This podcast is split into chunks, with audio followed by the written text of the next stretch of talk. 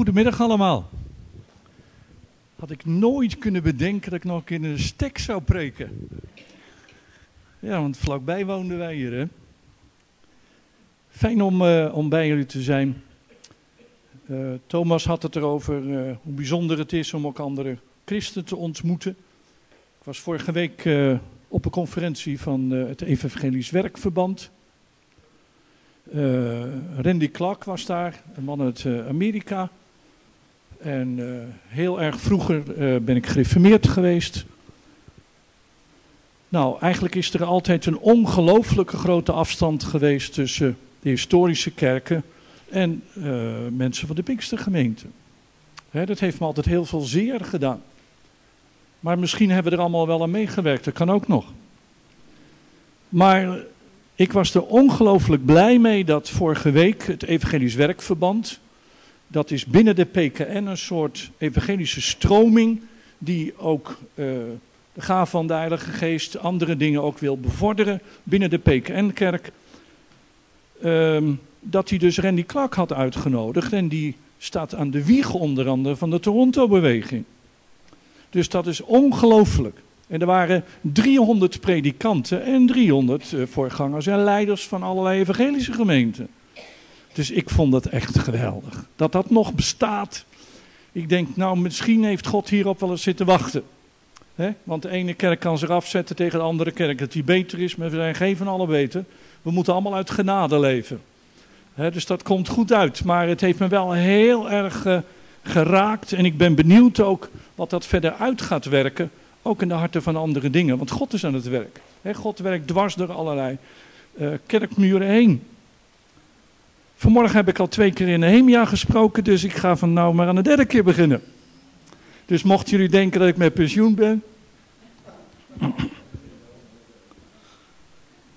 Maar uh, ja, ik, ik, ik, ik, ben er blij mee. Ik heb al gezegd, ik zoek mezelf niet.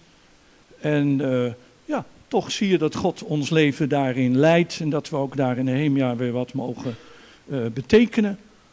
Uh, hadden hem alweer uh, op Family 7 geobserveerd, dus dat kan allemaal. En het is goed om vanmiddag hier te zijn en te zeggen wat ik denk dat de Heer wil zeggen bij jullie ook. Ik kreeg daarin pas een keer al wat vragen over, naar aanleiding van een preek die men op Family 7 van mij had gezien. En dat gaat over het herstel van generaties, dat we elkaar nodig hebben. Want er zitten belangrijke gedachten in die voor ons allemaal gelden.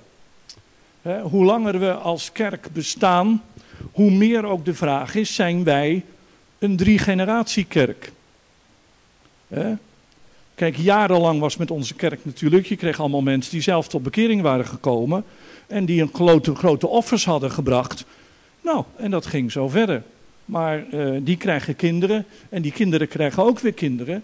En dan krijg je toch met dingen te maken waar uh, ook de historische kerken altijd mee te maken hebben gehad. Maar ik geloof in een drie-generatie-kerk. Ik geloof dat de bedoeling van God is dat in iedere kerk meerdere generaties zitten.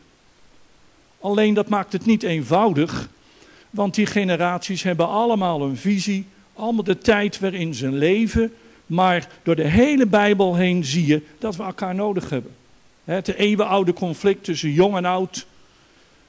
Ja, dat, eh, dat is eigenlijk helemaal niet nodig als je een Bijbelse visie hierop hebt. Dus daar wil ik vanmiddag ook wat uh, over gaan zeggen. Heb jij hem al? Geweldig, jongen. Ik heb het daarom genoemd, we hebben elkaar nodig. En ik wil eerst wat lezen uit Malachi. Het is een beetje vervelend dat uh, de nieuwe vertaling, sommigen noemen dat de niet betrouwbare vertaling, maar zo ver wil ik nog niet gaan. Die noemt soms hoofdstukken anders dan de MBG. Ja, dus ik zal allebei noemen, dan kan je het allebei vinden. De MBG, die noemt het Malachi 4, vers 5 en 6. En de MBV noemt dat Malachi 3, vers 23 en 24. Dus om het niet makkelijk te maken. Dus Malachi 4, vers 5 en 6 in de MBG en de nieuwe vertaling, Malachi 3, vers 23 en 24. Zie, ik zend u de profeet Elia, voordat de grote en geduchte dag des Heren komt. En dan komt het zinnetje waar me over gaat. Hij zal het hart der vaderen terugvoeren tot de kinderen. En het hart der kinderen tot hun vaderen, opdat ik niet komen en het land treffen met de ban. Nou, dat komen we ook tegen in Exodus. Exodus 3. Exodus 3.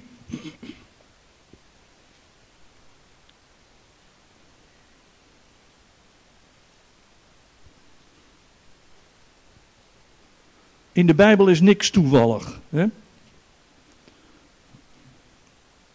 Exodus 3, vers 6.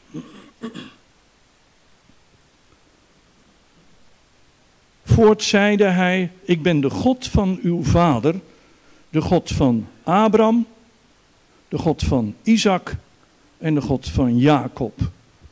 Nou, dan gaat hij in 15 en 16 dat nog een keer herhalen. Maar laten we maar bij 13 beginnen.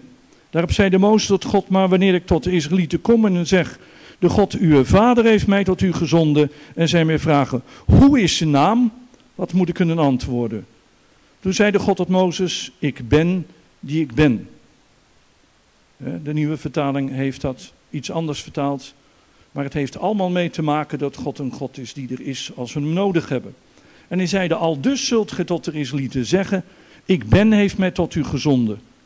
Voort zeide God tot Mozes, al dus ge tot de Israëlieten zeggen, de Heere, de God uw vaderen, de God van Abraham, de God van Isaac en de God van Jacob, heeft mij tot u gezonden. Dit is mijn naam voor eeuwig en zo wil ik aangeroepen worden van geslacht tot geslacht. Ga heen, vergader de oudste van Israël en zeg dat hen, de Heere, de God uw vaderen, de God van Abraham, Isaac en Jacob is mij verschenen en heeft gezegd, ik heb ten degen acht geslagen op u en op wat u in Egypte wordt aangedaan. In hoofdstuk 4 vers 5 wordt God nog een keer zo genoemd. De Heere, de God hun vaderen, de God van Abraham, de God van Isaac en de God van Jacob.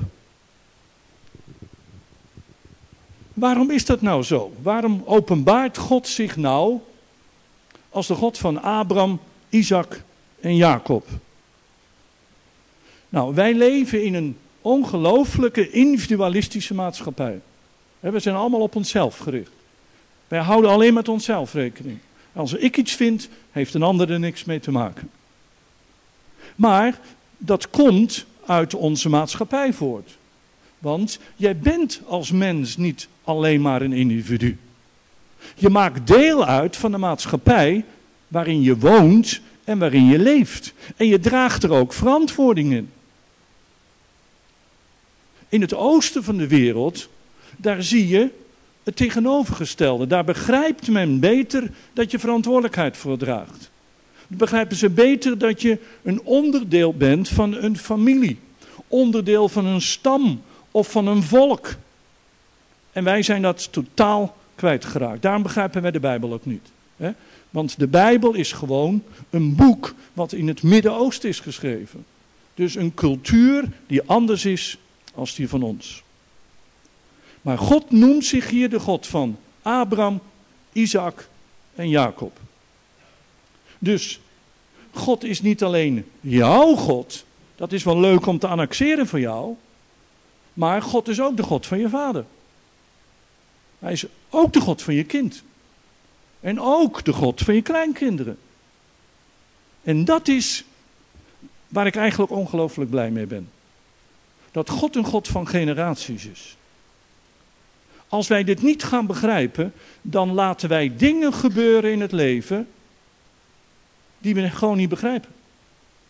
We doen dingen waar we spijt van hebben, omdat we niet begrijpen waar we het over hebben. En dat komt door deze denkfout.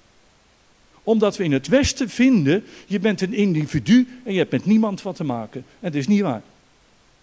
Je hebt alles met een ander te maken. En jouw leven heeft alles te maken met het leven van je kinderen, met het leven van je ouders met het leven van de mens en de omgeving waar je bent. Want als mens horen wij bij elkaar. We hebben elkaar nodig. Nou, we zijn dan uh, voor de volgende keer in bed al bezig met een verbouwing. Ik weet niet hoeveelste verbouwing het is. Ik weet niet of jij erbij gehouden hebt. Die papieren heb ik ook niet meer hoeveel keer we al verbouwd hebben. Maar voor de zoveelste keer. Maar waarom zitten jullie straks weer in dat andere gebouw? Nou, omdat er generaties geweest zijn die geofferd hebben. Er zijn generaties in bed al geweest die ongelooflijk veel geofferd hebben. En nou moeten wij als jongere generatie niet doen alsof de kerk dat aan ons te danken heeft. Want dat is niet waar.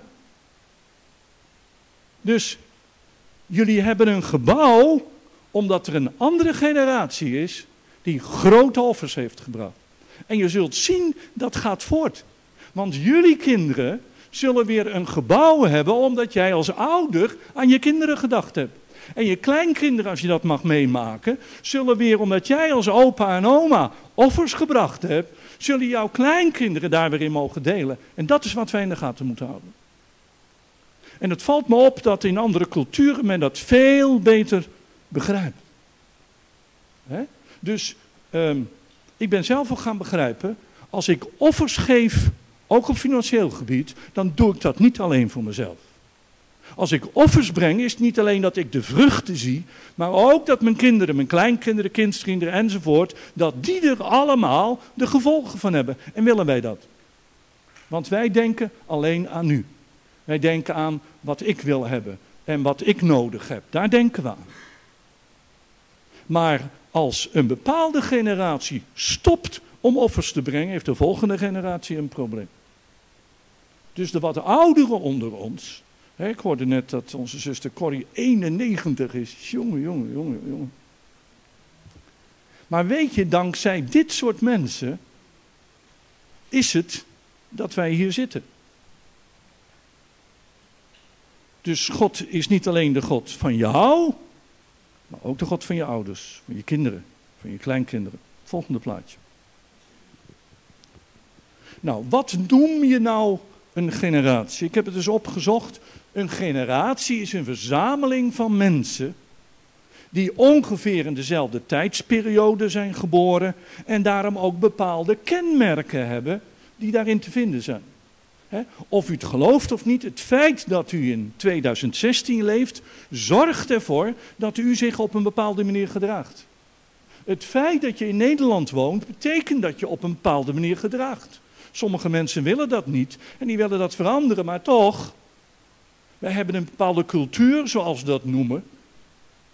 En dat is belangrijk.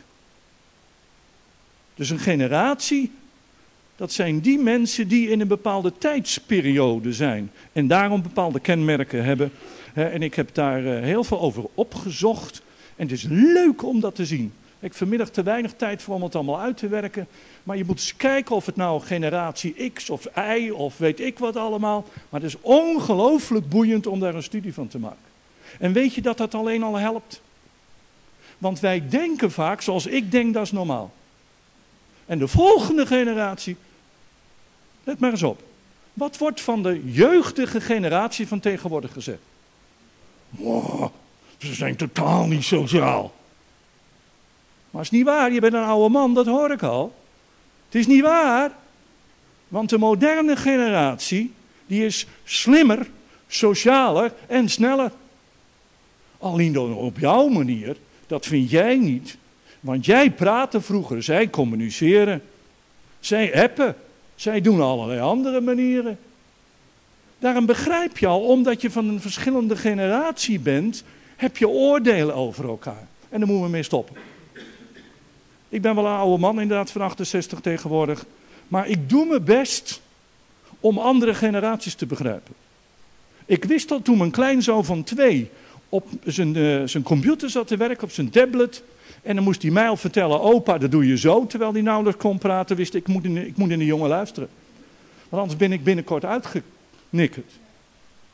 En dat is absoluut waar. En ik ben er blij mee. Ik wil leren van nieuwe generaties.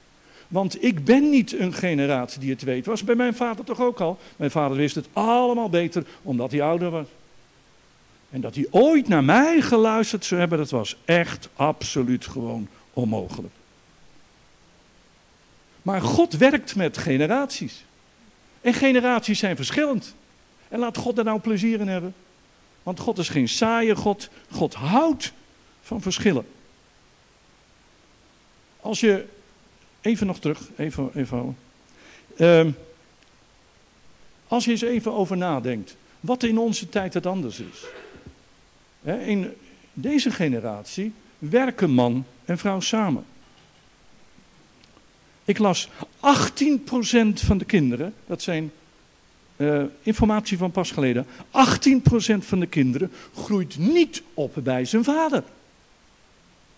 Dus dat is een vijfde, een zesde deel groeit niet op bij zijn vader. Dat heeft ongelooflijke gevolgen. Nu worden ze eindelijk wakker dat ook op het basisonderwijs, dat ze mannen, nou ik heb het altijd geroepen, dat ze mannen nodig hebben. Gelukkig worden ze wakker. Een beetje laat. Maar ook basisonderwijs heeft absoluut mannen nodig. En daarin zie je generaties. En omdat wij vaak alleen maar gebiologeerd worden door wat we zelf denken, vergeten we heel erg veel. Het volgende plaatje. Daarom heeft me geholpen dat er staat in Psalm 100, misschien kunnen we dat even opzoeken met elkaar.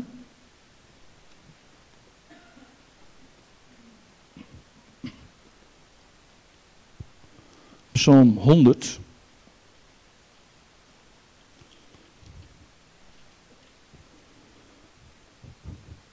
Vers 5.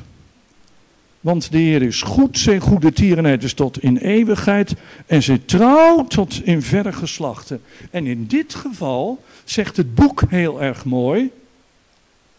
God blijft trouw van generatie op generatie. Dus generaties veranderen, ik verander, maar boven al die generaties staat God.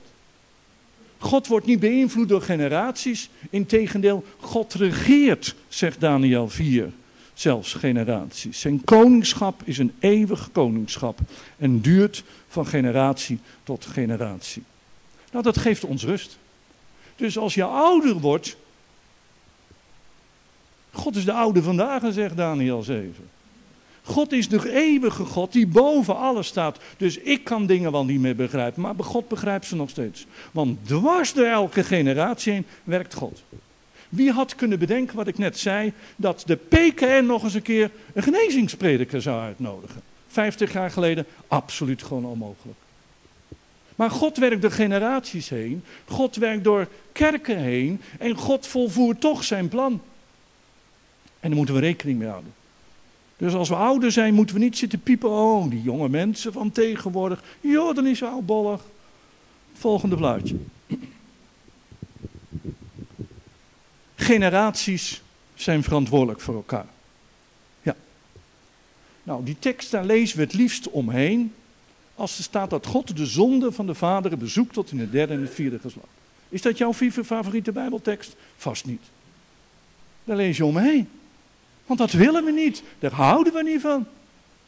Maar is dat nou waar of is het nou niet waar? Is dit het woord van God of niet? Of ik het nou leuk vind of niet? Of dat ik het nou snap of niet? Ik ben er eens over na gaan denken. Waarom zegt de Bijbel dat? En ik heb gezien dat de Bijbel gelijk heeft. Want mijn leven heeft zijn gevolgen voor mijn kinderen, mijn kleinkinderen en achterkleinkinderen. Dus je kan wel zeggen, ja, wie doe ik er kwaad mee? Ja, alles. Je doet niet alleen jezelf kwaad, maar je doet ook je familie doe je kwaad. En het is niet omdat God zo'n wraaklustige God is, maar God weet hoe het werkt. En God wil ons behoeden voor allerlei dingen. En dan is het door de genade van God nog dat hij het tot de derde en vierde geslacht beperkt. Want degene die hem lief hebben, die bezoekt hij in duizend geslachten. Nou, wat is dan drie, vier geslachten? Dat is nog erg genadig.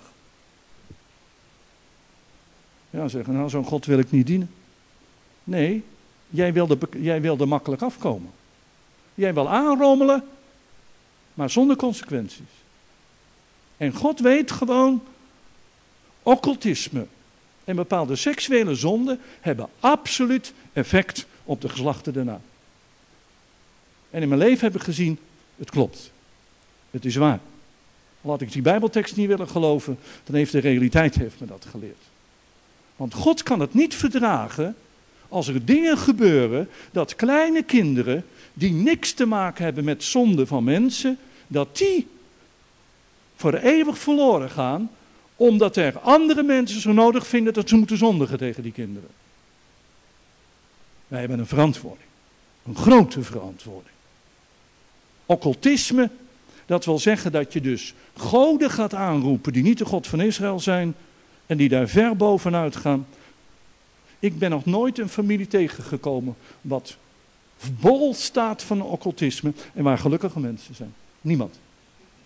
Ik heb alleen de ellende ervan gezien. En ik heb voor heel wat mensen moeten bidden om ze los te maken uit de ellende waar pa, ma, enzovoort, enzovoort hen hadden in laten bezanden, verzanden. En dus met allerlei seksuele zonden precies hetzelfde. Nou, vroeger noemden we dat de machten uit het voorgeslacht. Nou, de term maakt me niet zoveel uit, maar er wordt wel mee bedoeld, ik ben verantwoordelijk. En dat besef ik. En dan moet ik niet wegmanoeuvreren, daar moet ik rekening mee houden. En dat geldt voor ons allemaal. En je moet vanmiddag niet bang worden van mijn verhaal, maar we doen eindelijk recht aan iets in de Bijbel wat er al jaren staat, alleen dat vonden we niet leuk. En we zijn toch ook als Pinkstergemeente een beetje een reactie. Een reactie, al die erge dingen die willen we niet. We houden niet van een God die al dat soort dingen doet. Maar toch, het staat er wel. En het is waar. Het volgende plaatje. En je ziet in de Bijbel ook allerlei dingen waar dat gebeurde. Kain bijvoorbeeld.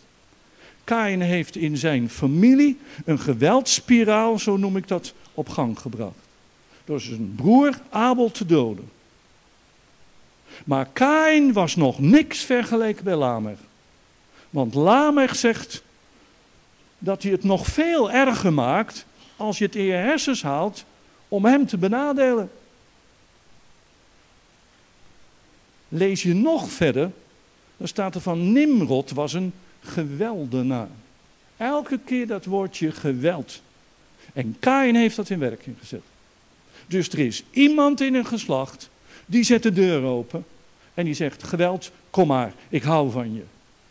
En de duivel is gemeen, die hoort dat en die eigent zich dat toe. En je ziet dat in die geslachten openbaar komen. Liegen.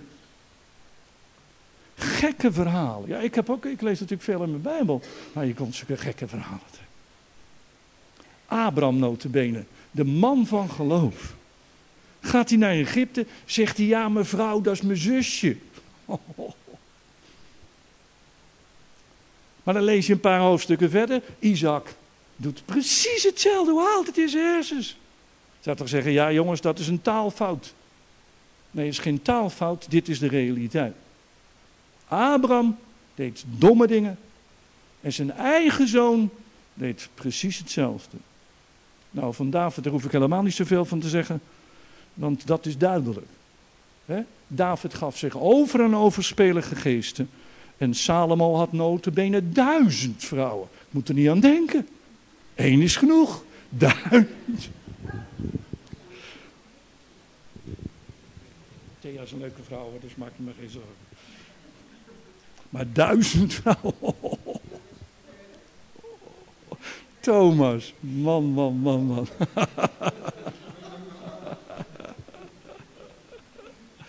maar dan zie je dus, dit is de Bijbel. Hebben jullie dat nou ook? Kijk, vroeger aan tafel bij ons, bij mijn ouders, werd uit de Bijbel gelezen. En echt hoofdstuk voor alle hoofdstuk. En ik heb al gezegd, ik hoopde voor alles niet het voetballen moest, dat mijn vader niet Psalm 119 was. Maar degenen die het ook gedaan hebben, wat zijn de waardeloosste hoofdstukken? De geslachtsregisters. Oh. Moet je in sommige Bijbelboeken. Ik heb dat nooit begrepen, totdat ik hiermee bezig was. Dat ik, ja, Dick van Steen, dus je bent echt een westers mens. Jij wil jezelf losmaken van je familie. Je wil je losmaken van je geslachten. Je doet net alsof jij de enige mens in de wereld bent. Dat is helemaal niet waar. Ik ben een onderdeel van een familie.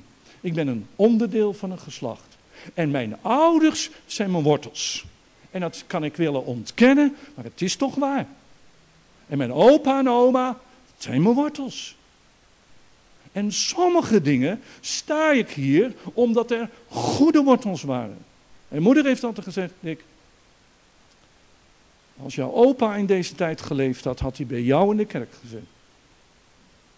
Echt waar, hè? pas geleden was er bij Nieuwkerk, dat is bij Giesenburg, bij uh, Hardingsveld Giesendam, was er weer een gondelvaart. En dan gingen ze met gondels door de Giezen heen. Maar wat deed mijn opa? Die speelde, die speelde viool en die zong met zijn dochters. En de ene zoon, Johan de Eerliederen, zingend bij de gondelvaart. Wie deed dat? Niemand behalve mijn opa. Goeie dingen. Dus op een of andere manier heeft hij goede dingen overgedragen. Maar er zijn ook dingen die verre van goed zijn, die overgedragen zijn. Dus ik ga niet mijn familie de schuld geven, maar ik ga wel, als jullie mijn verhaal begrijpen, laten zien waarom de Bijbel geslachtsregisters heeft. Want geslachtsregisters wil zeggen, daar kom je vandaan. Dat zijn jouw wortels.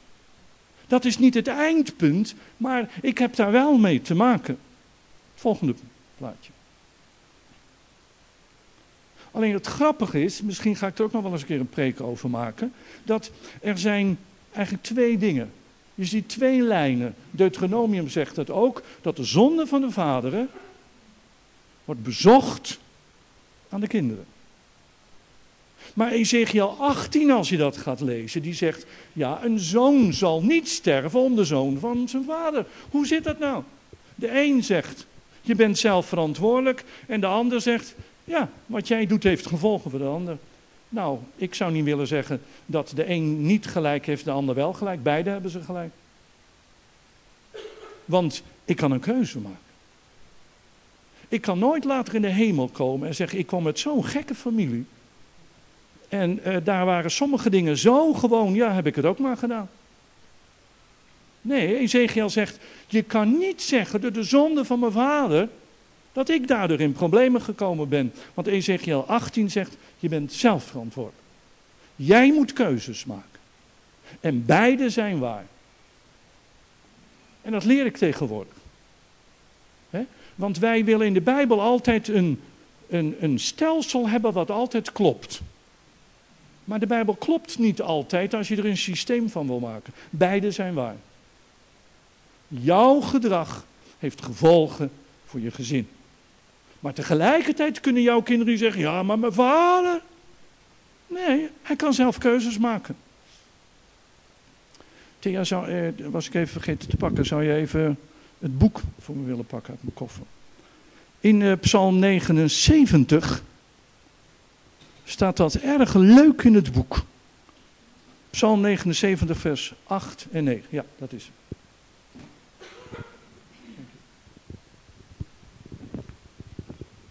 Dan begrijpt iedereen het.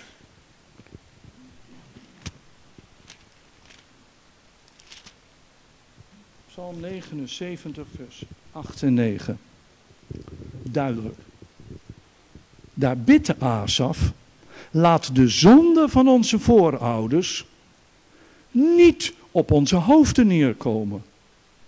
Kom naar ons toe met vergeving en liefde, want wij zijn zo zwak geworden. Vers 13. En wij, uw volk, dat door u wordt geleid, zullen u altijd loven en prijzen. Onze kinderen en kleinkinderen zullen spreken over uw grootheid. Dus eerst is het gebed van Asaf. Heer, alstublieft, laat de zonde van mijn voorouders niet op ons neerkomen. En dan komt later komt Asaf met zijn eigen keuze. Dan zegt hij, onze kinderen en kleinkinderen, ze zullen spreken over uw grootheid. Nou, dat is het nou precies. In het verleden zijn er keuzes gemaakt waar jij de gevolgen van vindt. En wat je ook niet wil. En je zegt, alsjeblieft heer, maak me er los van. Vergeef alsjeblieft. En in het laatste vers zegt hij, heer, ik kies ervoor mijn kinderen en mijn kleinkinderen. Ze zullen uw grootheid verkondigen. Want daar gaat het over. Echtscheiding. Iets wat niet op dezelfde manier zo genoemd wordt, maar ik heb wel gezien dat het hetzelfde werkt. Ingewikkeld probleem. Jullie weten, ik heb toen gezeten in een commissie die zich daar jaren mee bezig heeft gehouden. Ingewikkelde materie. Wat zegt de Bijbel erover? Wat zegt de Bijbel niet? Maar ik heb daar hetzelfde gezien. Als mensen gaan scheiden, en heb ik geen oordeel erover waarom en wat de achtergronden zijn. Maar je zet de deur open voor iets. Moet je maar eens opletten hoe vaak het niet is dat kinderen die uit gescheiden ouders komen, dat die ook gaan scheiden. En dat is niet omdat ze zo slecht zijn. En niet dat ze denken, oh scheiden is leuk, maar bij mijn vader en moeder is het ook zo leuk, want het is helemaal nooit leuk. Maar toch, ouders zetten de deur open. Wat doe ik tegenwoordig? Als mensen uit een gescheiden huwelijk komen van ouders, zeg ik, kinderen, beleid het. Sluit de deur voor Gods aangezicht. En als er mensen onder ons zijn die gescheiden zijn, tegen hun wil, en wat je allemaal verschrikkelijk vindt, nochtans, is het niet van God. Want het is een verbond. En een verbond valt niet te verbreken. Dat is het principe van een verbond. God is een God van trouw. En als dat wel gebeurt, dan gaan wij een principe van God gaan wij ontkrachten, wat grote gevolgen heeft, ook voor de volgende generatie. Is dat nou fatalisme? Nee. Maar mijn keuzes hebben gevolgen voor mijn kinderen. Snap jullie daarom dat wij niet kunnen aanrotzooien? Snap je dat wij daarom niet kunnen zeggen, ja, wat ik doe, wat hebben mijn kinderen te maken? Alles. Betekent dat onze kinderen daar een weg kunnen komen met allerlei dingen die wij gedaan Nee, ook niet. Maar ik moet niet over mijn kinderen in eerste plaats. Ik moet beseffen wat mijn verantwoording is. En die wil ik dragen. Voor zover ik dat kan. En dat geldt voor ons allemaal. Het is vanmiddag geen makkelijke preek, maar het draagt sleutels aan dat iedereen die eerlijk is, ruimte in zijn leven zal krijgen. En ook in zijn familie en ook bij zijn kinderen. Want onze God is God vol van genade. Want let maar op, ditzelfde Exodus, wat zegt dat de zonde bezocht wordt tot vader, tot, voor de vaderen in het derde en vierde geslacht. Praat over de barmhartigheid van God. Praat over de genade van God. God is zo ongelooflijk genadig. Volgende plaatje.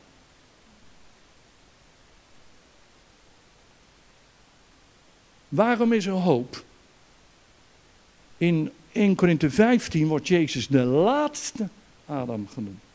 Hij wordt ook de tweede Adam genoemd, maar ook de laatste Adam. Dat vind ik zo mooi. Want de laatste Adam wil zeggen dat Jezus dus aan het kruis iets gedragen heeft, waardoor hij een einde maakt aan de zonde die de eerste Adam in werking had gezet. Kijk, de leer van de erfzonde is niet mijn leer, want dat brengt een fatalisme wat geen rekening houdt met de eigen keuzes. Maar het is wel waar dat Jezus de deur gesloten heeft. Voor ons allemaal. Dat hij de zonde gedragen heeft. De doornenkroon droeg op het kruis van Golgotha. Waardoor wij kunnen leven. Jezus bad aan het kruis, Vader vergeef het hun. Want ze weten niet wat ze doen. Wat denken jullie, is dat gebed verhoord geworden of niet? Absoluut. Dus al die kletskousen dat Israël leidt omdat ze Jezus gedood hebben. Joh, Israël heeft Jezus niet alleen gedood, die heeft in de praktijk gedaan. Maar we zijn er allemaal mede verantwoordelijk voor. Want mijn zonde maakte het, moest het noodzakelijk maken dat Jezus naar het kruis stierf. En dat is moeilijk voor ons te begrijpen. Want wij schuiven schuld. Als ik ergens schuldig aan ben, dan gaan we kijken, is er iemand in mijn buurt die de schuldige is? Als je een ongeluk krijgt op de weg, dan is het. Ja, maar hij rijdt door rood. Ja, dat jij veel te hard reed, daar praat je niet over. Dus we kijken altijd wie is de schuldige. Maar Jezus keek niet wie is de schuldige en Jezus zegt: Ik ben de schuldige. Ik draag jouw schuld. Is dat niet geweldig? En dat ben ik aan het leren in mijn leven. Want dat is niet makkelijk.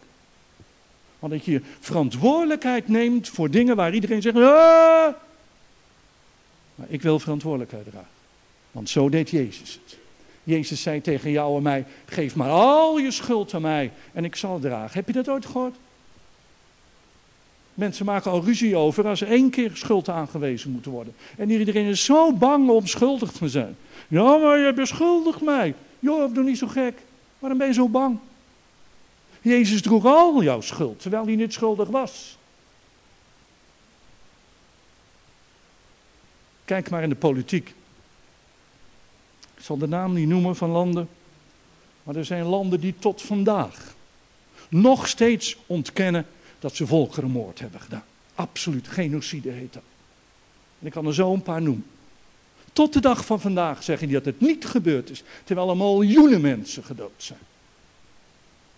Ook landen heel dichtbij. Wat wil men? Niet aanvaarden. Wij zijn schuldig. Maar weet je hoe het komt? Omdat ze niet begrijpen wat Jezus aan het kruis gedaan heeft. Want Jezus is de laatste Adam. Hij heeft de vloek over de zonde die over ons heerste, heeft hij gedragen. Ik moet niet als een uh, angsthaas blijven zeggen, ik kan er niks aan doen, maar ik moet, ik moet rekening houden met het kruis van Jezus Christus, dat het voor mij was. Het volgende plaatje. Ik moest eraan denken, degenen die erg lang in bed al zitten, die weten dat nog.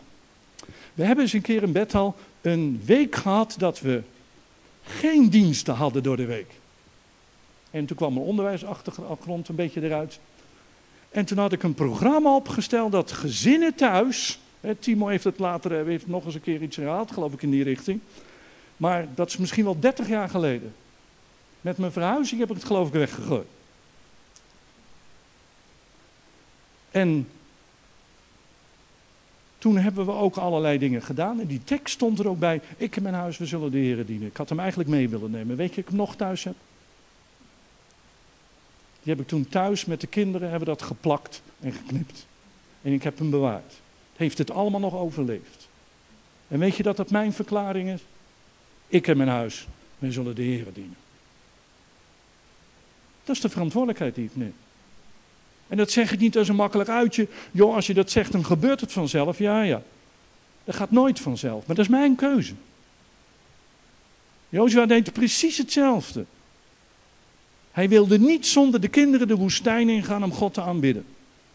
Onze kinderen zijn zelf verantwoordelijk. Maar de nieuwe vertaling zegt: In ieder geval zullen ik en mijn familie de Heer dienen. Jij kunt de keuze maken. Jij kunt zeggen: Ik neem verantwoording. Is dat makkelijk? Nee. Want het heeft gevolgen. Want waar in de geestelijke wereld voor op je plaats gaat staan, heeft dat altijd gevolgen. Zijn er nog die dat zich kunnen herinneren dat we dat toen gedaan hebben? Dat is erg lang geleden. Ja. We worden oud, hè? Het volgende blaadje.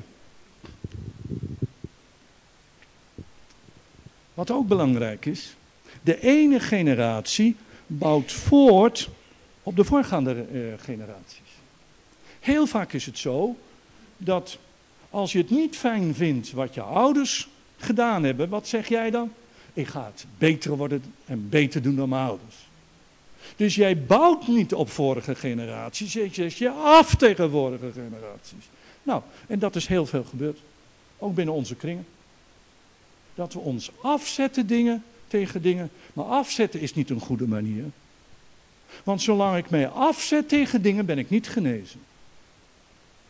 Ik kan andere keuzes maken. Maar zolang ik vanuit onvrede me afzet tegen een vorige generatie, ben ik niet genezen. En het kan stoer klinken en het kan geweldig blijven. En dat weet ik als je jong bent. Ja, ik ben hetzelfde geweest hoor. Als je jong bent, je gaat beter dan mijn vader doen. Je zet je af tegen de vorige generatie. Maar je kan nooit blijven staan als je niet voortbouwt op de vorige generaties. Ik heb dat toen ook gezien. Mijn opvolger zou het beter doen dan ik. Maar hij begreep niet dat het niet kan. Want door je af te zetten, neem je niet het fundament over waarop je bouwt. En je doet net alsof jij het opeens allemaal vanuit het niks kan doen. Dat is gewoon niet waar. Waarom heb ik heel vroeger toen zelfs dingen waar ik niks mee te maken had gehad in orde gemaakt? Omdat ik dat principe kende. Ook als kerk heb je een historie. En ook als kerk is het goed om te kijken wat zijn onze verantwoordelijkheden. Want wij bouwen op vorige generaties. Onze kinderen moeten de normen en waarden van het geloof overgedragen gekregen worden. Het moet ze voorgeleefd worden. En we moeten leren om samen mens te zijn. Volgende plaatje. Generaties hebben elkaar wat te zeggen. Ja, ja dat plaatje heb ik geloof ik wel eens meer bij jullie gebruikt, maar ik ben weg van dat plaatje. Dat is leuk. Hè? Maar dat is gewoon zo. Als oma Lucas met de kleinkinderen zit te praten, ja, het is dan net geen punkie meer, maar dat is tegenwoordig niet meer in. Maar dat had net zo goed kunnen gebeuren. Oma Kolsteren met een punkie. Hè? Voor jou, uh, jouw kleinkinderen, of hebben die nog niet? Oké, zit er een punkie bij of nog niet? Oké. Nou, oma die zit met punkie te praten. Maar we hebben elkaar wat te zeggen. Hebben elkaar absoluut wat te zeggen. Bij Hebreeën 11 staat vol met geloofshelden. En er staat allemaal iets wat in het Oude Testament al uh, verteld wordt. Maar waarom wordt dat in het Nieuwe Testament nog een keer aangehaald? Hun verhaal, daar kan ik wat van leren. Ik hield nooit zo van geschiedenis. Maar iemand die van de geschiedenis niet leert, is gedoemd het te herhalen. En helaas, in de kerk waar ik nu zit, gebeuren dingen die niet nodig waren geweest als je van de geschiedenis geleerd had. Ouderen hebben een bepaalde wijsheid opgebouwd, waar jongeren veel van kunnen leren. Dat is helemaal waar. Waarom zou je zelf fouten maken als je dat kunt verhinderen? Maar wat kun je veel van jonge mensen leren? Oh jongens, die praten zo makkelijk over dingen. En jij gaat uren zitten praten over of het wel of het niet moet. Ja, daar houden ze zich helemaal gewoon niet mee bezig. Heerlijk. Want een onbevangenheid. Er komen meer dingen tot stand door jonge mensen dan door oudere mensen. Want ouderen hebben overal bezwaren tegen. En die moeten alles twintig keer bedenken. En jongeren, ja, die weten niet waar je over praat. Ja, dat is toch voordelig, hè? Dus zorg dat oud en jong, ik doe dat nu in ja, precies hetzelfde. Alleen jongeren? Nee. Alleen ouderen? Nee. Jong en oud hebben elkaar nodig. Ouderen kunnen van jongeren leren. En jongeren kunnen van ouderen leren. Geloven jullie dat? Zeg je, nou, ik moet eerst over je preek nadenken hoor. Durf je daar geen harte van harte ja op te zeggen? Als al de leiders van deze kerk niet van harte ja kunnen zeggen tegen een jongere generatie, heeft deze gemeente een probleem. Echt waar. Dat durf ik rustig te zeggen. Want jonge mensen zijn geen ongelukje. Jonge mensen zijn nodig in de kerk. Het is de kerk van de toekomst. Mee eens? Gelukkig.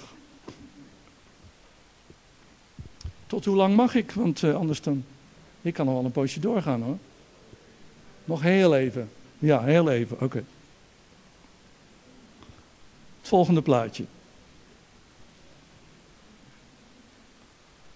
Generaties moeten solidair zijn aan elkaar. Ja. Want je kan de jongere generatie al materialistisch vinden. Egocentrisch en oppervlakkig. En iemand die bracht deze generatie onder woorden door genot, gewin en gemak. De drie G's. Ja, dat klinkt leuk. Maar waarom zeg je dat? Is dat zo? Het gebeurde vaak in Rotterdam, dat weten jullie, heb ik samen met eh, Cornelis van der Dussen de gemeente geleid. En we waren oude mannen aan het worden. Hij kwam ook wel eens met dingen uit de historie van uh, Commissie. Hij zei, ja, maar in Commissie. Hij zegt, ja, dat is jouw probleem. Dat is die mensen een probleem niet, dat is jouw probleem. Jij bent er nog nooit los van. En dat was waar. Ik moet zelf loskomen van allerlei negatieve invloed. Ben ik een genezen man? Of ben ik een oude man met al zijn frustraties? Want al mijn frustraties, die komen eruit overal waar ik functioneer. En ik wil geen gefrustreerde man zijn. Ik wil een gezonde, genezen man zijn. Jullie ook? En dan moet je keihard voor werken. Want dat gaat niet vanzelf. En daar is moed voor nodig. Maar ik wil de hand grijpen van een jongere generatie en zeggen: We hebben jullie nodig. We kunnen niet zonder jullie. En mijn frustraties hoeven niet jouw frustraties te worden. Mijn teleurstellingen hoeven niet jouw teleurstellingen te worden. Want we willen samen het koninkrijk van God beërven. Jongeren hebben de, neiging zich af te zetten tegen de ouderen. En ouderen hebben zich de neiging zich af te zetten tegen jongeren. Stoppen met die boel. Generaties moeten solidair zijn. Dat wil zeggen, wij kiezen voor elkaar. Nou. We gaan zo stoppen. En ik heb je misschien een stof gegeven om na te denken. En ik zit hier niet allerlei moeilijke dingen tegen jullie te zeggen, maar er zit heel veel in dat de moeite waard is om over na te denken. Ja, en het is niet altijd leuk wat ik zeg, maar het is wel nodig. Want ik heb gezien, als we dit niet oppakken, dan missen we dingen die we gewoon niet moeten missen. En ik vind het onterecht naar een jongere generatie toe dat wij onze frustraties op hen. Laat jonge mensen, laat ze jong zijn. Wat zei prediker ook alweer dat die jonge mensen moeten doen? Prediker, 11 en 12. Wat staat er ook van die jonge mensen? Die moeten zich verheugen in hun jongelingsjaren in de schepper. Die moeten plezier hebben in het dienen van God. Nou, daar moeten wij voorbeelden zijn. Dus mijn idee is ook, ben ik als 68-jarige man, ben ik een punt van inspiratie van jonge mensen? Is wel grappig hoor. Ik zit mezelf niet te promoten. Maar ik had een poosje geleden Nehemia dat ik vooraan stond. En ik deed natuurlijk de charismatische hop. Dus uh, ik was wat aan het huppelen. En toen zegt iemand, een jongere oudste, die zegt naast me, ik had eigenlijk moeten dansen. Ik zeg, heb je goed gezien? Dat is echt waar, jongens. Sommige mensen zijn al oud voordat ze oud zijn. Het is een keuze. Goed. Zullen we met elkaar gaan bidden? Heer, dank u voor deze middag. Dat we met elkaar over deze dingen mogen praten. En ik besef dat het van belang is, ook hier, Heer. Heer, want wij willen niet makkelijk door het leven gaan alsof het allemaal een fluitje van de zend is. Heer, wij willen verantwoording dragen. Het is in ons alle leven zo dat we dingen meemaken die niet makkelijk zijn. En we zeggen ook niet dat de Bijbel makkelijk is. Heer, maar we willen niet terugschrikken voor allerlei dingen. Heilige Geest wilt u in het hart van een ieder van ons werken. Want bij de een zal ik vanmiddag dit gezegd hebben wat je raakt. En bij de ander dat. Schroom niet om met God erover te praten. Neem de moed ervoor. Heer, ik dank u voor de jongere mensen hier. Dank u dat er in Bethel altijd jonge mensen zijn geweest. Heer, en ik bid u dat de jonge mensen aan de ouderen zullen zien dat het dienen van God geweldig is. Dat het je goed doet. Heer, ik bid u voor de ouderen dat zij de moed hebben om een voorbeeld te laten zien. In een persoonlijke leven, in een gezin, dat u een geweldige God bent, een God van trouw, Heer. U staat boven alle generaties. We willen elkaar aan u opdragen, Heer. Heer, ik bid u voor deze kerk. Dank u dat deze kerk al zo lang bestaat. En ik wil ook zo graag dat dit een generatiekerk zal zijn. Waar ouders, kinderen, kleinkinderen, achterkleinkinderen, waar ze allemaal kunnen blijven komen. Niet omdat ze niks anders hebben, maar omdat het een kerk is dat de moeite waard is dat je kinderen mee naartoe te nemen. En mensen zullen we daaraan bouwen. Zullen we met elkaar ervoor kiezen dat Christengemeente Bethel een kerk is waar je je kinderen mee naartoe kan nemen? Waar je je kleinkinderen mee naartoe kan nemen, omdat God daar gediend wordt? Weet je, Boskoop heeft Bethel nodig. De omgeving heeft Bethel nodig. Mannen en vrouwen van God. Heer, help ons met elkaar. Ik wil u danken dat u in deze tijd was, de kerkmuur aan het werk bent. Heer, en wil u niet schromen naar onszelf te kijken. Maar help ons, Heer, wees ons genadig. Stort uw genade over ons uit. En als er mensen zijn die met dingen zitten. Mijn preek is niet bedoeld om in de hoek te zetten. Maar ook niet om aan je verantwoordelijkheid te ontkomen. Kies ervoor. Want bij God is alles mogelijk. En God is zo barmhartig en genadig. Het gaat uit ver boven zijn oordeel. Heer, we komen tot u. Stort uw geest uit over ons, Heer. Heer, we hebben uw geest zo nodig. Bid u voor de leiders hier. Stort uw geest over en uit, Heer. Als we de moed hebben om deze kerk te leiden, soms door moeilijke periodes heen, maar dat we verfrist mogen worden. Heer, dat we verjongd mogen worden. En dat we een kerk mogen zijn die de moeite waard is. Een drie generatie kerk. Tot lof en eer van Jezus naam. Amen.